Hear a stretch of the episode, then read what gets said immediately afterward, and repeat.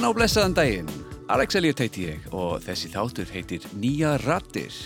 Þetta er þátturöð það sem við heyrum í skemmtilegu fólki sem á það sammeginlegt að hafa flutt til Íslands annar staða frá í heiminum og er í dag að gera góða og áhugaverð, áhugaverða hluti hér á landi.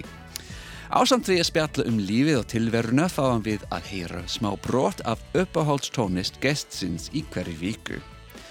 Gestur minn í dag er einmitt Mark Daniel Skipsteð Volhat. Velkomin. Takk fyrir. Uh, þú ert upprunnilega frá Danmarku en er í dag málfræðingur og kennari hér á Íslandi. Hvað ætti helst að vinna með þessi dagana? Núna, hérna í þessu mánuði er ég að kenna sömarnámskið í íslensku fyrir norra, hérna, eða svo Norðurlanda mælandi uh, stúdenta, uh, hérna, stúdenta sem að tala Norðurlandamál, mm -hmm. sem sagt og við kennum á norsku og dönsku, uh, íslensku í fjóra vikur hérna í, í júni, rosa intensíft en, en mjög gaman. Og hver eru nefndurna margir? Já, það eru núna 27 nefndur hérna á Íslandi og svo 5 á netinu. Þannig að það er, það er bara fjör og heilmikið að gera.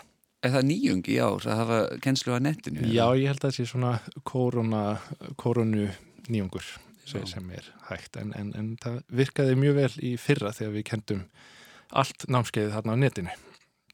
Þannig að, að núna er nýr möguleiki.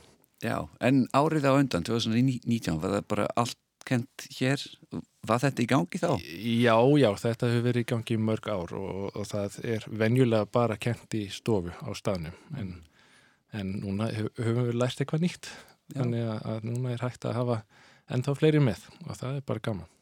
Hvernig, hvernig er að gera þetta svona bæði á línunni og í, í personu á sama tíma? Við erum ekki að gera það náttúrulega á sama tíma. Við byrjuðum reyndar með, með því að hafa blandaða kennslu í síðustu viku þegar að sumi nemyndur sem komu til Íslands voru en þá í sóttkví. Uh, og þá er maður eitthvað svona á öllum stöðum í einu. Og það virkar en, en það er svolítið erfitt. Það er, það er samt betra að einbetta sig bara að einu. Og vera bara á netinu eða bara í stofu. Þannig að núna erum við komin þangað. Og, og þetta er allt gegnum Háskóli Íslands, eða ekki? Þetta er árna á, hérna við um árnastöfninar Já sem að, sem að hefur fyrst hérna, norrænt námskeið eða námskeið sem er kent á, á norrænu tungumáli og síðan í, í júli er alþjóðlegt námskeið sem er kent á einsku mm -hmm. og nefndur sem koma allstaðar að. Ok, og hefur það alltaf verið hver, ok, byrjum upp á nýtt. Svona, hvar byrjiði þetta? Hversu lengi hefur þetta gengið bæri á einsku og á Norðalundamálum? Nú veit ég ekki þetta hefur verið allavega bara allavega 30 ár. Ég mm. verða að vera hreinskilin að ég, ég veit ekki alveg hvena þetta byrjaði. Já, en en byrjaði, ekki bara í fyrra, þetta er svona langferðir já já, það er löng hefð og, og, og ég byrjaði sjálfur stöðstu átján og hef sjálfur verið nefandi á sumannámskeiðum í Færium og Grænlandi. Þannig ég hef svona verið báðum megin bæðið sem nefandi og núna sem kennari. En gaman. Já. Hvað hef, hvað sagða bak við studentana af, af hverju velur fólk að gera þetta? Þetta er tungumála fólk uh, getur maður sagt. Þannig að það er fólk sem lærir annarkvort já, norðurlandamál í einhverju norðurlanda í, einhver, í einhverju norðurlandi og eða fólk sem er að verða uh, kennarar mm. uh, um, þannig að, að fólk sem er tengt tungumálum eða málvísindum eða einhvern veginn svona. Þannig að það er hópur tungumála fólks uh, sem að meira segja tala skandinavisku þannig að við byrjum á mjög háu stíi Uh, og svo erum við að farin oftast að tala íslensku eftir þrjár vikur við fólkið eða, eða svona næstum því. Þannig að það er mjög gaman og, og þegar ég kenni íslensku venjulega þá, þá tekur það náttúrulega mjög miklu miklu lengri tíma að, að ná svona góðum tökum á málinu. En, en, en þetta er sko bæði eins og ég sagði skandinavisku mælandi fólk og tungumála fólk mm. þannig að það, já. Þetta er mjög áhugavert, ég ætla að halda áfram að spjalla um þetta. En einn við ekki að byrja með fyrsta lægið Jú. Hvað var efst á listum hjá þér? Ég held að hafi verið Kim Larsen enda er ég, enda er ég Dani ég, ég segi oftast svo að, sko ég eigi miklu meira heima hér á Íslandi en, en, en stundum fær maður svona heimþrá uh, til Danmerkur og, og eitt sem getur gert það, það er hann Kim Larsen þannig að hlustum endilega það þetta heiti Papisklipp. Já.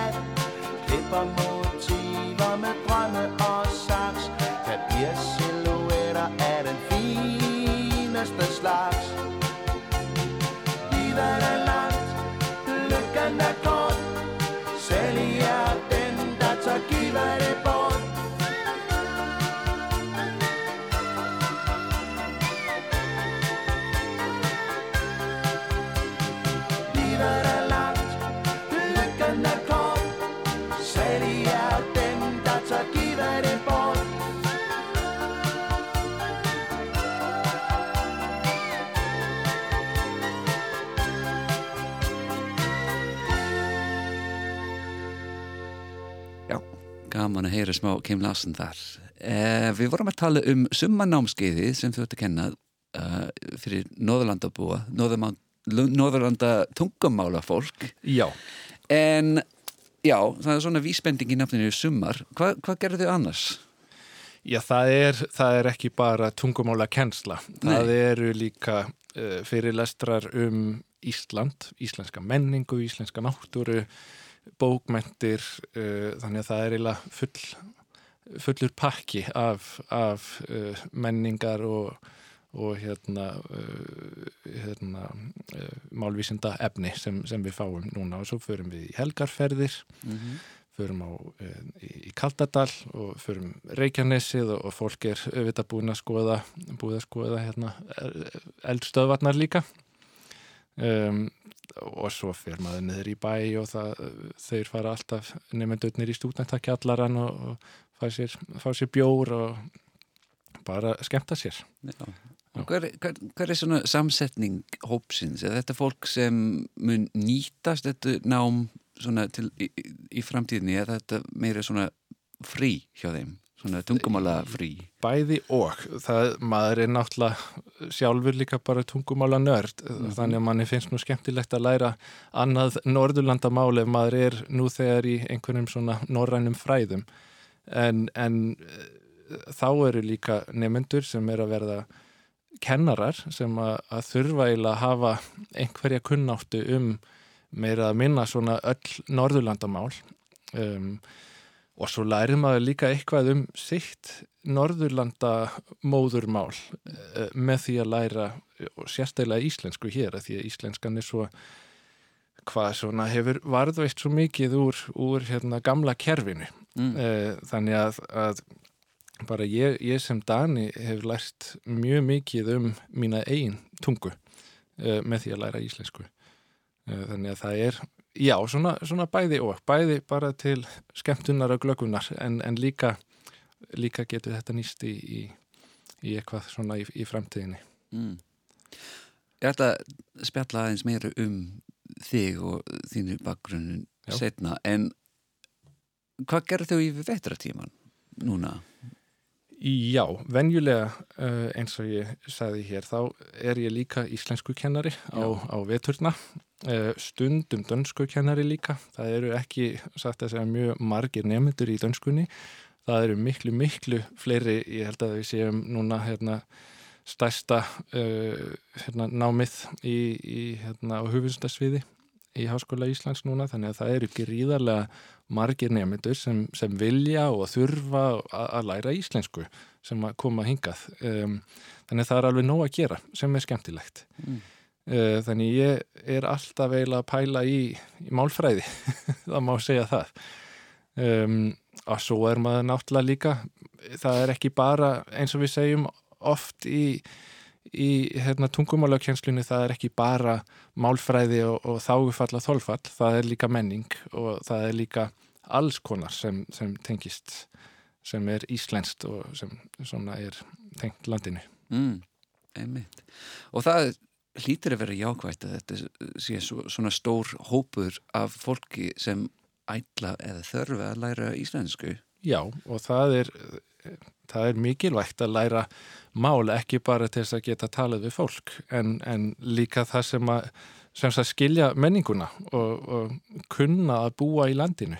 Mm. Uh, ég hef oft, eða kannski ekki oft en ég hef stundum fengið nemyndur sem að vissu kannski ekki neitt um landið skiljanlega þegar maður kemur kannski allt í einu til Íslands og, og þá er maður komið ko- komin einhver staðar og, og svo verður oktober og november og svo er gríðalegt rók og myrkur og svona og, en þá tökum við stundum bara landafræði tíma Mhm. og skoðum svona hvar á hnettinum við, við erum um, svona til að skilja bæði veðurfar og, og já, eiginlega bara allt sem er í gangi kringum fólk, af því að það er það er áskorin og kannski, kannski sérstaklega á landi eins og Íslandi veist, það, er, það er eitthvað það er svo dramatíst hérna stundum Já. hlutirnir eru ekki bara stundum, eh, það er oft svona aðeins, aðeins meira. Um, kannski aðeins erfiðara stundum. Um, þannig að það, það það gerist oft í tímum að við tölum um hvernig okkur líður. Um, svona inn á milli eh, fallbeingana Já, einmitt. Já, Er þetta allt uh, námsmenn í háskólanum eða er þetta svona mjög mikið blandaði hópur? Það er alls konar, alls konar fólk, fólk sem kemur hingað sem eldir ástina og fólk sem kemur hérna, hingað til þess að vinna og fólk sem er starfsfólki í háskólanum og já, bara virkilega alls konar. Það er ekki einu sinni hægt að segja hver svona staðal í myndin er. Mm. Um, og svo er, er fólk líka sem er eins og ég, uh, svona tungumála nördar, uh, þar sem að þá dreymir bara um að, að læra þetta, þetta fallega mál. Meir um það setna. Já. Hvað er næsta lagið? Það er held ég, förum endilega til Úkrænu. Ah, já. Já, það er En, og, en ekki Eurovision. ekki Eurovision reynda, það var mjög gott lag líka. Já, hvað heiti þessi? Það heitir hérna Kræ á ensku. Já, Og- við erum að spila ukrainsku útgáfuna. Já, einmitt og það fjallar um hérna, heimilisofbeldi gegn konum og, og var mjög vinsælt uh, meira að segja í Rúslandi svona fyrsta lagið á, Úkraínu, á úkrainsku sem, sem var vinsælt í, í hérna, mörg ár í, í Rúslandi. Ok, Já. hlustum á.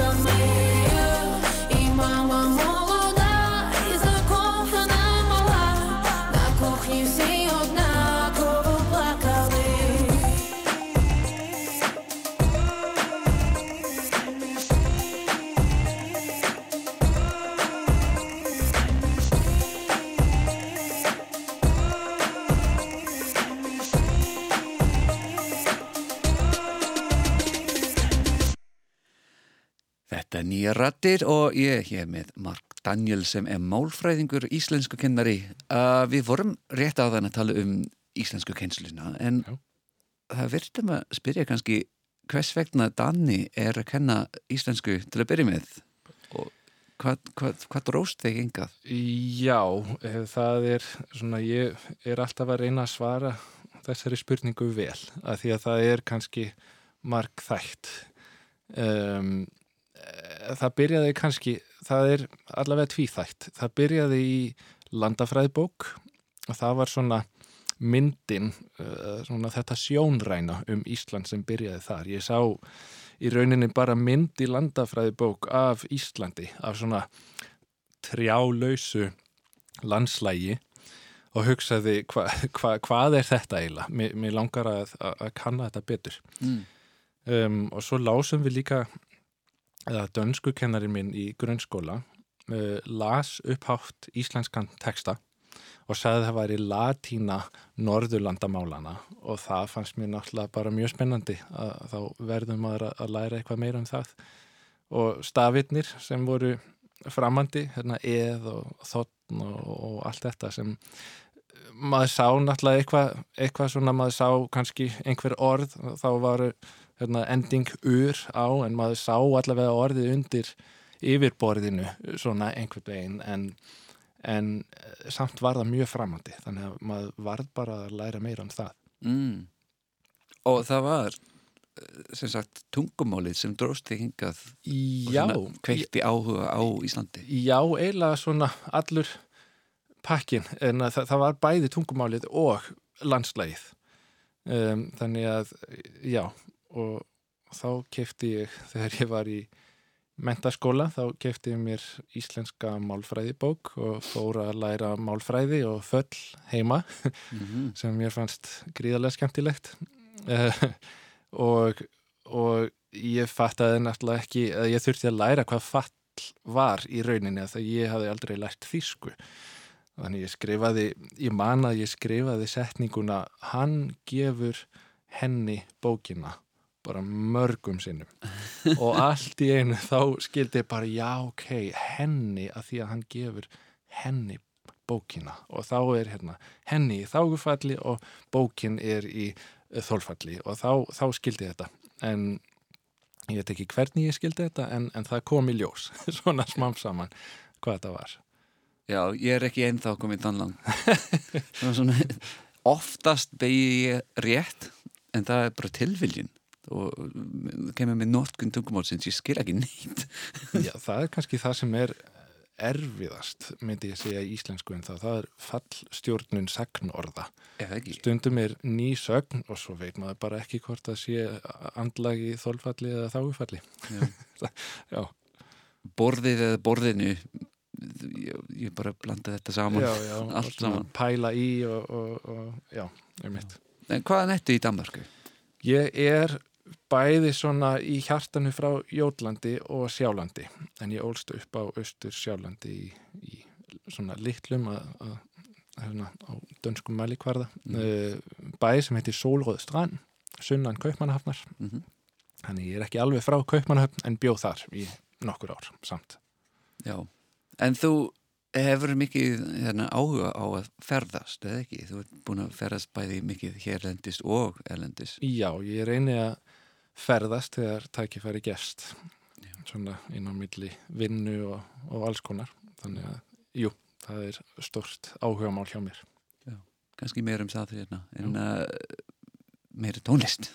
Já, er svo til í þetta. já, Uh, þú ræður rauðina en það er fóru, fórörsdag er næst á listunum, það er til í það? Og, ég var einmitt að hugsa um það kannski Ok, Hva, hvað þýðir þess, þennan lag fyrir þig? Já, það heitir sem sagt Fórsteg og það er vordagur Fórörsdag. Já, Deg. fórsteg, maður heyrir nú ekkert uh, maður heyrir sjaldan samhljóðin á dönsku en, en já, það er sem sagt vordagur og enni linnit er, er bara svona eins og, kannski eins og Kim Larsen hún er svolítið djúft hún situr svolítið djúft í manni og hún er rosalega gott tónskáld og, og, og hefur skrifað bara hérna samið mjög mikla tónlist sem, sem er vel þekkt og allir þekkja í Danmarku Mm þannig að þetta er svolítið ég veit ekki svona hjartalag hjá mér, held ég Fórörsdag. Fósteg, já, einmitt Gjör svo vel. Já.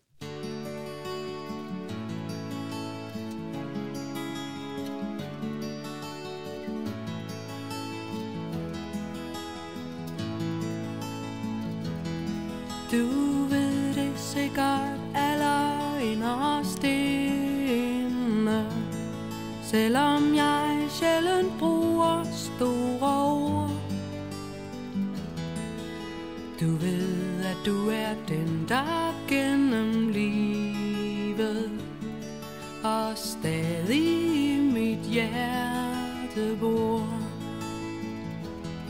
Jeg ved, at al min sidste tid skal leve jeg ved, at tiden tæller hjertets slag. At alt det, vi har grædt igennem livet, det svinder på en forårsdag. En forårsdag, hvor solen bare skinner Som da jeg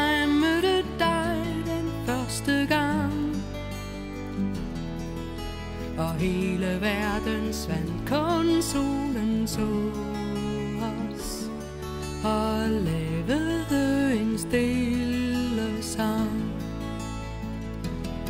og det er den, jeg endelig har fundet. Så mange år er gået siden hen. Vi tænker vel, at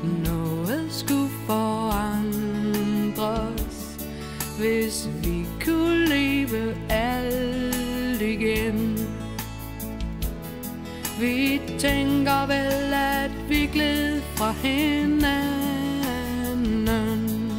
I årene, der hastede forbi. Og nu er alting stille her i stuen. Og store ord er svært at sige.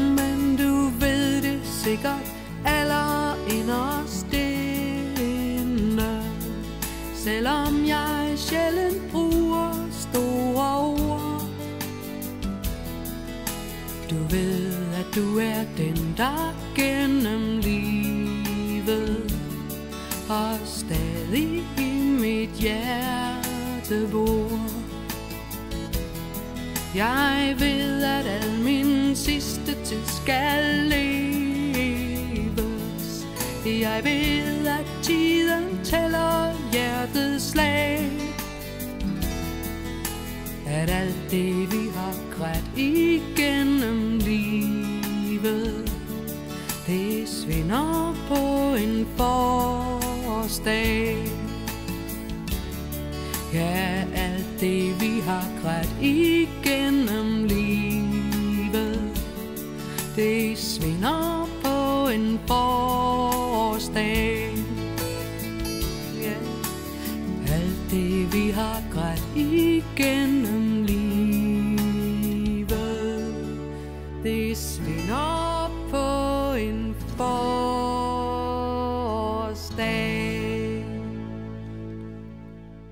Jæja, þetta var fóðsdag, Já, day, já einmitt, fórsdag takk. Já.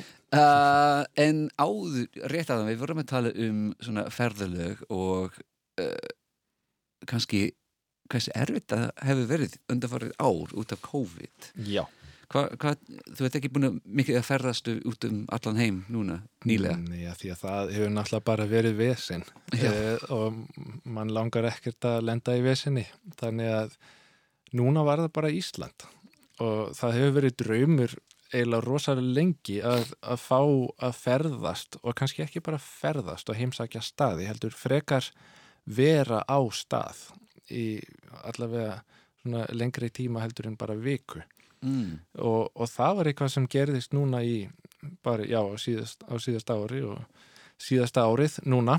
Uh, það er eitthvað sem hefur verið jákvætt í faraldrinum. Að, að hérna að það var svona frelsi í að, að vera bara það sem manni fannst gaman að vera. Og, og ég segi oft að, að ég sé ekki á Íslandi til þess að vera í Reykjavík. Ég er í Reykjavík af því að það er á Íslandi. Uh, en þannig að ég fór fyrst að ég var á hérna vorið 2020 þegar allt þetta byrjaði. Þá var ég heima í eldhúsinu og, og kendi og satt við tölvuna allan daginn og leittist bara rosa mikið. Mm. þannig ég varð að gera eitthvað í haust og hugsaði, já, þá bara fer ég. Og þá fór ég fyrst í, í hérna, einn mánu til Patricksfjörðar vestur á Patricksfjörð og síðan fór ég í tvo mánuði. Eða það var, eða planið var að fara bara í einn mánu til Þingeirar en svo var svo gaman að vera þar. Og þannig að ég svona lengdi dvölina aðeins Mm. uh, í tvo mánuði. Og síðan fór ég uh, norður á Rauvarhöfn um, sem var líka upplifun af því að það er náttúrulega svo langt í burtu. Uh, og, og kannski varla kórona þar þannig að varla bara smitt ég manna þegar ég var á Þingeyri þá hafði ekki verið neitt smitt bara yfir leitt Mm. uh, yfir höfuð í, í fyrðinum og svo lokaðist eh, fjörðurinn í nokkra daga þarna í februar og, og svo var maður eiginlega bara í svona búblu uh, frjálsu uh, frjálsri búblu þar sem að var ekkert ekki neitt. Uh, og það var það var gaman, þannig að það var ákveðið frelsi að vera þar sem að það var ekki mikið af fólki. Og mér leið miklu betur. Ég var miklu minna einmanna þar Mm. út á landi uh, heldur en hér í borginni þar sem að, að allt var lokað og maður sá miklu meira á borginni að, að, að það var eitthvert sem, sem var vittlust í gangi. Um, þannig að Umferðarleysi á göttunar og, já, bara ég man eitt kvöld þá hafði ég verið í heimsókn og, og labbaði heim og svo sá ég heilt hótel, hérna stóra fosshótelið allt var svart, allir gluggar voru svartir og það var vindur og rók og það var bara þarna í rókinu og myrkrinu og það var rosalega það var skelvilega ógvekkjandi að sjá hóteli svona og þá fattar maður, já, ok, það er eitthvað það er eitthvað sem á ekki að vera svona, sem er í gangi núna mm. en maður sér það ekki eins vel út á landi eða svona á, á landsbyðinni Þetta nokkuð aðteglisvert að þetta var svona tækifæri ekki, ekki bara áskorun og Já. að vera eh, þú veist að þörfu að vera hér heima gaf því að tækifæri til að og, að þörfu að vinna heima Já. meira að segja Já. gaf því að tækifæri til að ferðast og, og upplifa eitthvað annað, annað staðar Já, og hugsanlega án, án þess að hafa áhrif á vinnunni þinni að því að Ég vann bara áfram það bara skipti bara engu máli hvar ég var mm. uh, og, og já og, þá fekk maður líka tækifæri til að kynnast landinu og bara nýjum stöðum betur, miklu betur að fá tilfinningu fyrir og svona miklu meira en það ég segði að, að vera ekki bara heimsókn heldur að, að reynda svona eiga heima þar í smá tíma. Hvernig var upplifunin til dæmis í, í, í hvað segir, Þorláks, eh, Þórshöfn, nei, á, á Rauvarhöfn Rauvarhöfn, já, Já, Eh, varst, varstu eitthvað partur af samfélaginu í lokinni eða? Reyndar meira á þingeri held ég, uh, að því að þá vann ég í blábankunum sem er svona sameinlegt vinnurými Mhm. þar sem að maður vinnur eiginlega bara í fjárvinnu eða sumir vinna þar bara alltaf en, en við vorum líka allavega tveir í, í janúar og februar í fjárvinnu, eitt var á Spáni og svo var stundum hérna, skáld frá Venezuela sem, sem var hérna líka þannig að það var svona, það var í rauninni langt í bustu ef maður svona sér það miða við Reykjavík en, en samt ekki, þá var það bara mjög alþjóðlegt og, og maður var í bara fínum tengslum við um heiminn en samt var maður bara út í náttúrinni og það, það, var, það var eitthvað fallegt þar, finnst mér. Um, já. Uh, og þá var maður svo fer maður náttúrulega í sund og, og, og kynnist fólkinu í hitapottinum og, og er orðin partur einhvern veginn mjög, mjög fljótt af samfélaginu þar og maður fer kannski einu sinni á bensinstöðina og svo veit fólk hver maður er. Mm. um, og annað sem mér fannst mjög fallegt þar, það er að maður einhvern veginn horfir ekki á náttúruna, maður, maður er náttúran þar, það var eitt sem ég hugsaði mjög oft, að fólk þar er svo mikill hluti af náttúrinni heldur en að uh, kannski svona í Reykjavík þá horfir maður ofta esjuna og sér, ok, núna er komin snjór uh, þar, en, en maður er kannski ekki uh, svona hluti af esjunni eða af náttúrunni á sama hátt. Maður er einhvern veginn það er engin, það er engin búbla, ég tala svo mikið oft um, um svona búblur en það er ekkert það er ekkert svona, ma maður er ekki, maður er bara út í náttúrunni, maður er náttúran um, þegar maður er ekki í Reykjavík finnst mér og það er eitthvað sem ég sakna stundum þegar ég er hér í borginni, í stórborginni íslensku, já Já, kannski, kannski minni vandamál í Reykjavík en annar staðar, en þetta er svona borgar vandamál í við höfuð og Já. ef maður er í þorpi við fjallsrætuna þá Já. ertu neittu til að hugsa meir um, um, um ekki bara fjallið heldur náttúruna við höfuð einmitt og, og maður kemur einhvern veginn inn í svona náttúrulegan rithma. Mm. uh, og ég held það, ég held það sé auðveldar að, að svona vera þar á veturna af því að það má láta aðeins hæja á sér. En í Reykjavík er eins og, eins og það eru ljósastörar út um allt og, og svona lífið heldur eða á að halda áfram eins og venjulega þótt að sé bara niðamirkur klukkan tíu stundum en þá. En, en lífið er aðeins svona aðeins hægara og svona fylgist með með uh, ársins ring á an, aðeins annan hátt uh, sem er uh, hollari held ég, svona allavega hjá mér uh, þegar maður er ekki í stórborg eða höfuborg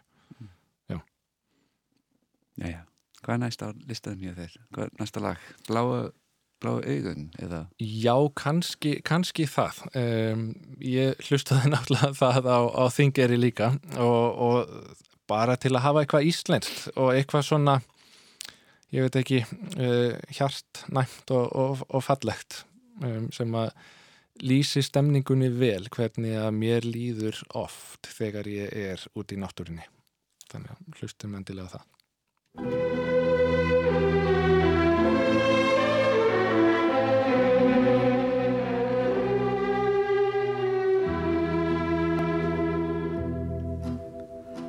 Biar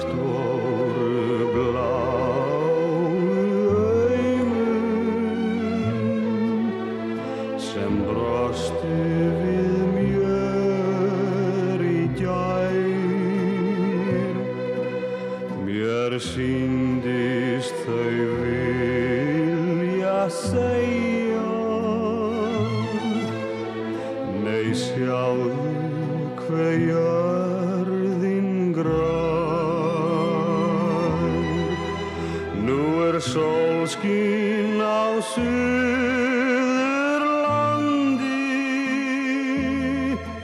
Í sveitum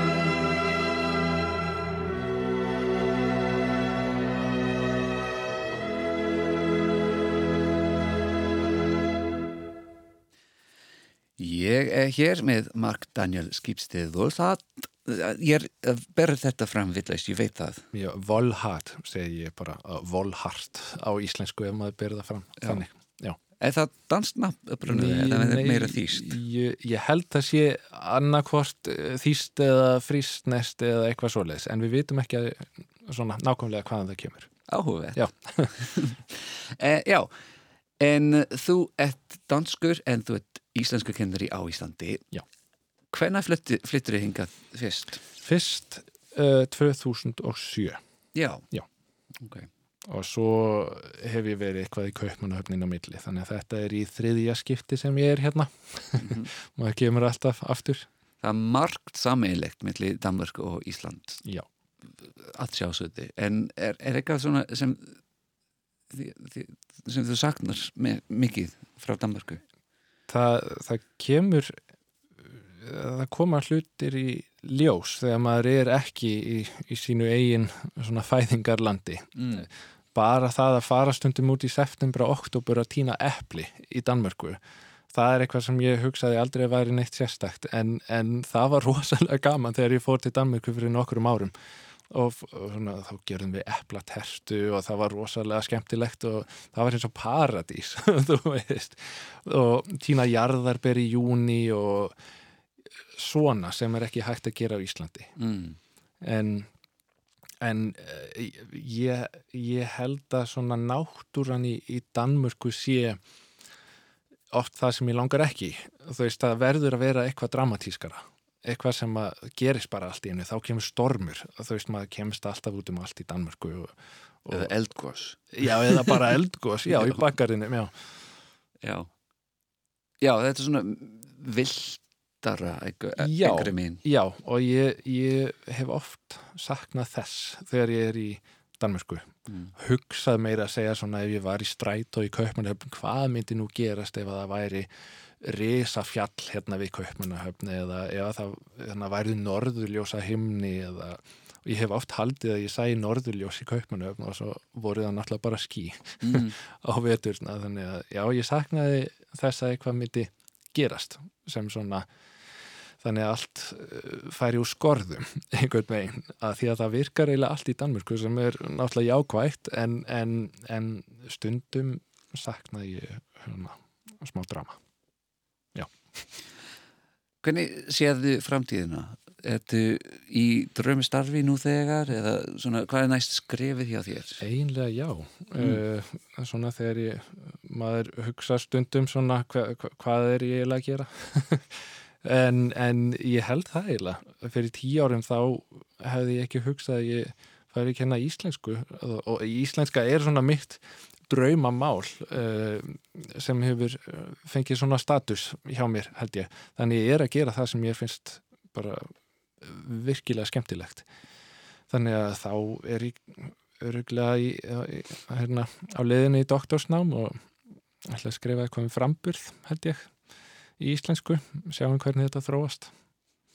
Þannig að, að núna er ég allavega komin til að vera í svona í smá tíma allavega Já, og þú veður partur af þessi flutningi yfir í nú, nýja húsinu. já það er Hús rosa spennandi já, Það er spennandi, ég sjá fyrir sér. mjög spennandi, já, Já. já hlakka til að sjá ég hef búin að fara einu sinni á meðan þetta hefur verið í gangi en, en það er alltaf þróast þannig að maður fer fram hjá hverjum degi og sér eitthvað nýtt rosa spennandi Já, veistu hvernig það opna? Það er eftir, eftir, tvö ár, skilt mér, eitthvað svo leiðis Já. Já, ég er mjög spenntur fyrir þessu húsi að þetta er eitthvað sem hefur verið á köttunum lengi og er þarf það er rosalega þörf fyrir þessu Já. ekki sístalega varveita handrítana í almennlegan hátt. Einmitt, einmitt. Og líka bara fá tækifæri til að sína og sjá handritin og, og, og, og líka bara sjá hérna, íslensku samstagsmenn samstagsfólk uh, uh, almennilega, af því að ég, ég sé bara kannski tíu samstagsmenn á hverjum degi en, en það væri gaman að, að fá að sjá alla mm. sem að sem að hafa eitthvað að gera með íslensku og svona til þess að þróa samvinnu og á alls konar á, já, mismunandi vegu hver er tengsli milli stofnun Átna Magnússonar og Háskóla Íslands? Þetta er ekki einn og sami Nei, ég, Stofnun. ég, ég sé fólki rosalega sjaldan þannig að það, það verður rosa gott að sjá það fólk líka. Núna er ég að kenna fyrir árnastofnun þannig að á, allavega á hverju sumri í eitt mánu þá tala ég um fólkið á árnastofnun. En, en annars þá, þá sjáumst við ekki mjög mikið. Já. þannig að það, ég, ég hlakka til þess. Mm. Og þá verður fólkið allt undir sömu þakki. Já, já, Já. þannig að það verður gott. Já, heldur það að þetta hefur svona veruleg áhrif á rannsókna umhverfinu og svona tungumála málfræða umhverfinu á Íslandi svona að tengja fólki betur saman Já, ég held það. Það, það snýst oft allt um samskipti bara milli fólks. Mm. Þannig að ég, ég held að það muni bara hjálpa því mjög mikið. Já. Já, ég sé Mm. ekkert annað í búið. og tengslum við útlanda líka að því að, að eiga svona hús, það, það hlýtur að vera fleiri sem koma bara út af þessu Já, já, og það eru líka bara margir nefndur sem koma til Íslands til að bara lesa handrit og læra miðaldafræði mm. og núna kemur bara sérstakt hús til þess. Náttúrulega höfum við árna, árna garð uh, þar sem að handritin eru núna en, en, en þetta verður svona sérstaklegt eh, hús. Þannig að, jú, al, algjörlega. og kannski svona tákn til að sína hversu alvarlega við tökum þetta já, við sem þjóð já, af því að það er, það er nú bara, það er það sem við höfum á Íslandi. Það eru, það eru engar gamlar borgir eh, eða neitt sem við sjáum í Evrópu til dæmis. Það, það, er, það er það. mm. sem er, er menningin eða svona, uh, svona grundvallar uh, já í, í, í menningunni þannig að, að það er bara mjög mikilvægt Tökum annar lag og svo höldum við áfram að tala um tungumálið og Já. hvað er að vera Ísland og íslensku Já. En hvað er næst, næsta lag? förum við ekki til Svíþjóðar Svíjarnir kunna nú eitthvað í, í tónlist Já, þannig að ég segi ég segi oft að svona það er eh, svona meiri sveigjanleiki uh, svíjanleiki já, svíjanleiki kannski, sem er kannski ekki alveg svona í Svíþjóð en, en svona eh, stór munu millir Danmerkur og Íslands það er það að til dæmis mæta réttum tíma. Uh, ég mæti alltaf fimm mínútum fyrr á fund í Danmörku og gerir það líka hér stundum en svo er alltaf slögt á öllum ljósum og, og já, það er bara engin mættur. Eh, þannig að það, það er svona aðeins aðeins meiri sveianleiki hér og, og þess vegna langar mér að hlusta á þetta sænska lag sem heitir Vem vet eh, hver veit? Og það er oft það gerist stundum á Íslandi að, að maður segir já hver veit nú það, allt rettast bara það, það rettast bara, þannig að það lag er svona kannski tákgrænt um það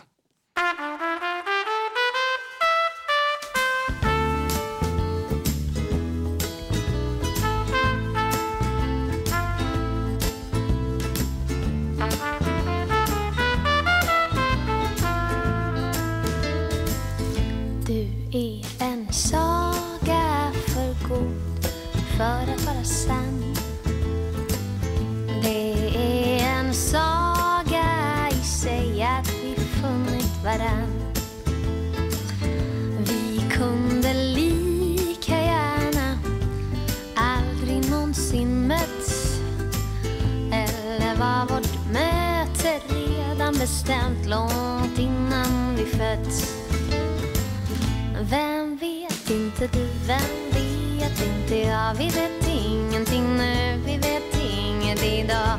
Vem vet inte du, vem vet inte jag? Vi vet ingenting nu, vi vet inget idag.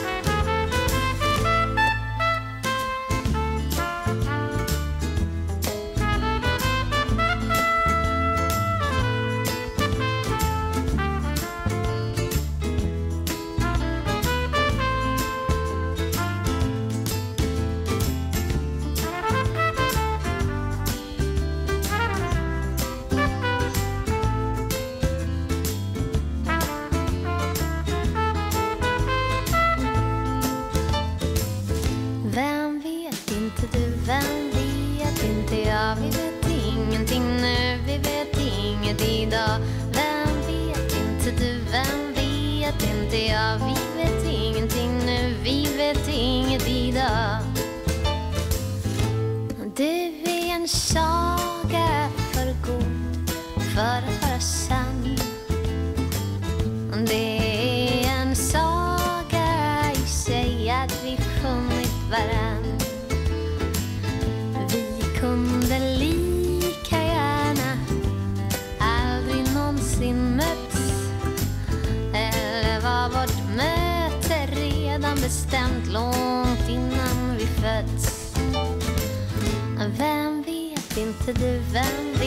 Vet inte jag? Vi vet ingenting nu, vi vet inget idag. Vem vet inte du, vem vet inte jag? Vi vet ingenting nu, vi vet inget idag.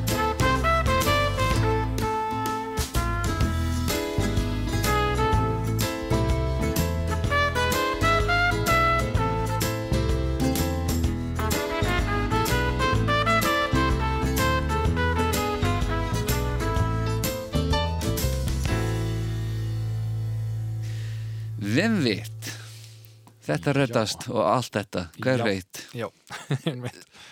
Er það hérna uh, pyrrandi í- að þínum mati, þessi munu milli Íslands og Danmarku? Já, líka bæði, bæði og ég er rosalega óskipulagður í Danmörku en ég er kannski sá sem segir á fundum uh, mér finnst pyrrandi á fundum ef við skrifum kannski ekki niður nokkra punkta um það sem við segjum á fundinum að því annars þá gleymist það bara alltaf. Þannig að ég er svona inn á milli held ég sem eila lýsi bara stöðum minni mjög vel.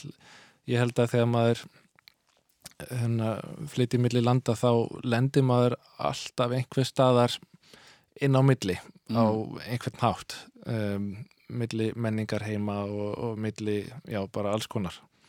Þannig að, jú, jú, ég held ég, ég sé oft svona bæði og Ég þekki þýsku fólki sérstaklega sem eru svona uh, þykjast vera vel skipulögð hér á Íslandi Já. en er það ekki í Þýskalandi? Einmitt, einmitt svona borin saman við hinnu fólkinu. Já, já, einmitt. Þannig ég held að ég sé ég, ég er oft Dani hér á einhvern hátt en, en ég er bara líka Íslendingur í Danmörku.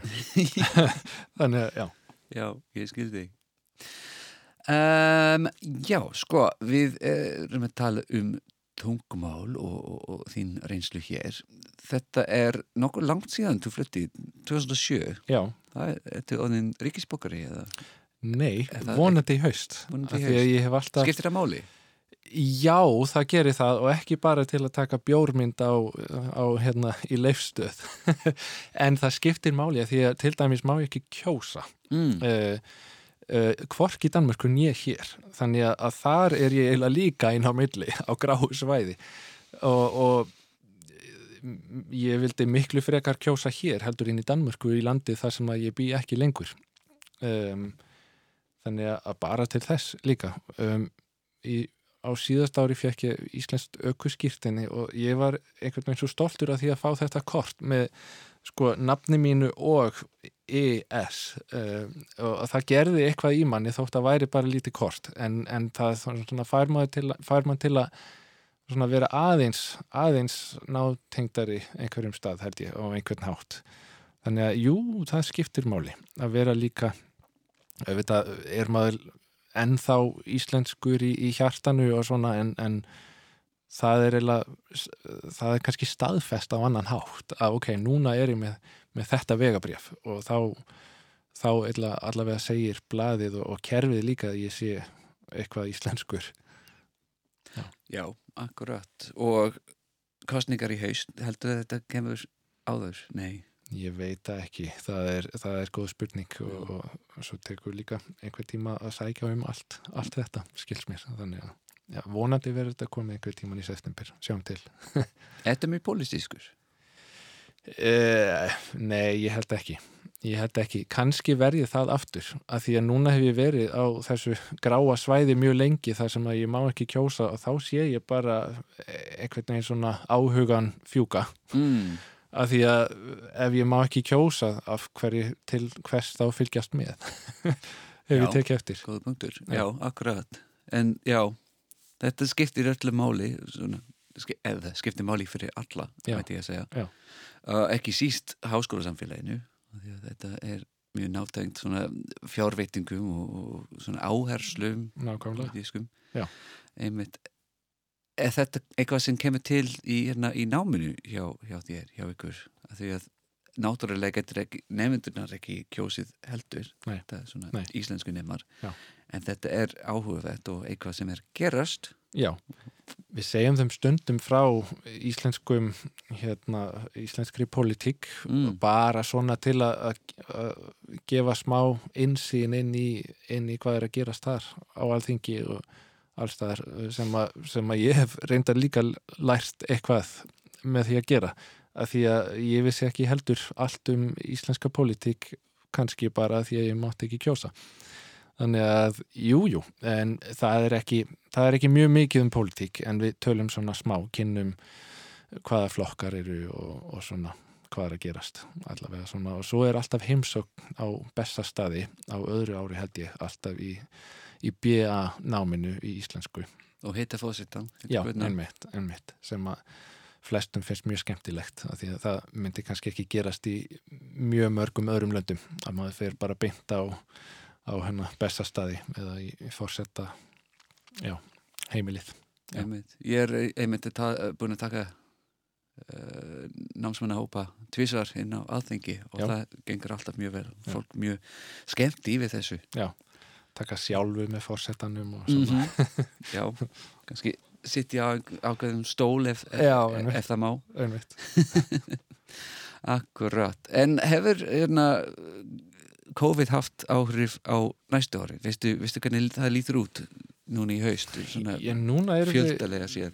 e, já, það eru alltaf fleiri fleiri nemyndur Mm. um, og ég veit ekki, þá veit ég ekki hvort það sé út af COVID núna en, en allavega síðustu árin hefur nefndum bara fjölgað og fjölgað og fjölgað um, en núna erum við aftur að fara í stofu og, og bara það að vera í stofu núna á sumarnámskjöfni er rosalega gaman þannig að þótt mér hafi fundist skemmtilegt að vera út á landi þá er líka gaman að fá að kenna fyrir framann fólki eh, fyrir framann fólk og, og, og bara, já, sjá framann Mm. í fólk og, og, og bara það eru öðruvísi tengsl milli kennara og, og nefnda þegar maður er í stofi og það er, það er bara þannig og það er til dæmis miklu öðveldar að kenna framburð í, í gegnum í gegnum bara loft heldur en í gegnum skjá. Já, þannig að uh, jú, jú það þannig veit ég þóra að giska að það skiptir meira máli í tungumálakenslu heldur en stæðfræðakenslu eða? Já, af því að það eru ekki bara fyrirlestrar, það er svo, svo mikið uh, mikið bara mismunandi og það er alls konar. Tungumála kjensla er bara alls konar. Já, Já. einmitt. Og þú bara jákvæður og, og, og spenntu fyrir framtíðina. Ertu byrjaðu með eh, hérna PhD? Nei, nei, ég er ekki já. farin enn í, í doktorsnámi en það er, það er alltaf að þróast eitthvað í hausnum á mér, svona uh, hugmyndin Mm og ég held að það sé svona næstum, næstum því komið og ætli ég sé ekki bara komin þangað svona áður en maður veit að því. Og ætla að gera það samlíða kensluna? Já, já. Græsilegt. Þannig, já. Eru þið bara rétt í lokin, eru þið svona að stækka stafsmannahópin hjá ykkur með því að því að hérna, það eru fleiri sem ætla að læra íslensku? Já, við bara þurfum að gera það. Að, Og er þetta eitthvað sem kemur politikusunum við svona að- veita þessu fjár? Já, og kannski bæði í háskólanum og, og alþingi og allstaðar. Þannig að, en ekki síst í háskólanum. Mm. um, og, og e, já, það bara við þurfum fleiri kennara. Það er bara þannig, þú veist. Það fjölgar og fjölgar. Þannig Og það er ekkert nema jákvæð, þóttur að kosta meira. alls ekki er og, og, og ég er ekkert að kvarta til dæmis í, í kófinu það ég á svo marga vinni sem hafa mist vinnuna til dæmis og, og, og hjá mér er vinnan eiginlega bara meiri og meiri. Þannig, að, þannig að það er það er bara jákvætt. Er þetta ekki beintengt? Er, er fólk svona það, fólk sem þarf að vera heima í gegn COVID er að hugsa meira um alheiminn núna og Já. vilja læra fleiri tungumáli Já, og núna hefur verið, bara í vetur hefur verið möguleik á að að kenna fólki á Akureyri og í eigum og í hva, fólk sem var á Philipseigjum og í, í Kansas og Nebraska og þannig að það var fólk út um allt að læra íslensku. Um, sem er, já, bara náttúrulega nýr möguleiki sem að vonandi heldur áfram í svona einhverri mynd, Einmitt, lengi lífi íslenskuna. Já að það ekki. Já, já, en takk fyrir tíman í dag. Mark. Daniel Skipsið Volhatt um, íslensku kennari. Þetta hefur verið mjög gaman. Við ætlum að lo, líka með læginu eða lag frá Finnlandi. Já. en ég ætla rétt í lókinni að segja Þannig að nýja rættir veður hér alla helga í júli, svona fimm sinnum og við lögum til að vera með ykkur aftur í næstu viku. En þannig til, hvað er lokalægið? Það er finnst tangolag og það vita kannski ekki mjög margir að Finnland er held ég annað stærsta tangoland í heimi. Ég veð að segja, ég vissi það ekki, nei, einmitt. Þannig maður hugsaður alltaf Argentína og síðan er Finnland.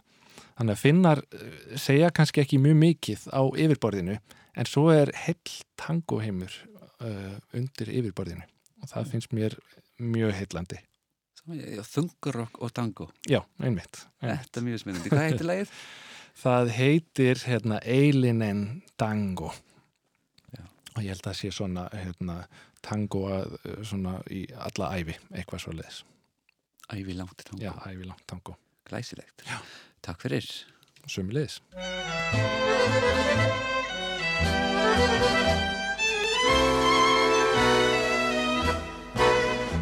Tango eilinen soi, yhä kuulen mä sen. Tango eilinen toi, mulle rakkauden. Niin kuin ennustaen, ensin soivat sävelet sen. Sitten täyttäen lupauksen, tango soi eilinen. Näin katseen mua etsineen, niin syttyi liekki sydämeen. Ja tangon ihmeelliseen sinut johdatin. Kahden tanssimme näin, tähtitarhoja päin, kuin haihtuneet ois, kaikki muut jo pois. Tango eilinen soi, meidät kaksi yhdistäen, niin kuin lyönnit sydämien tango soi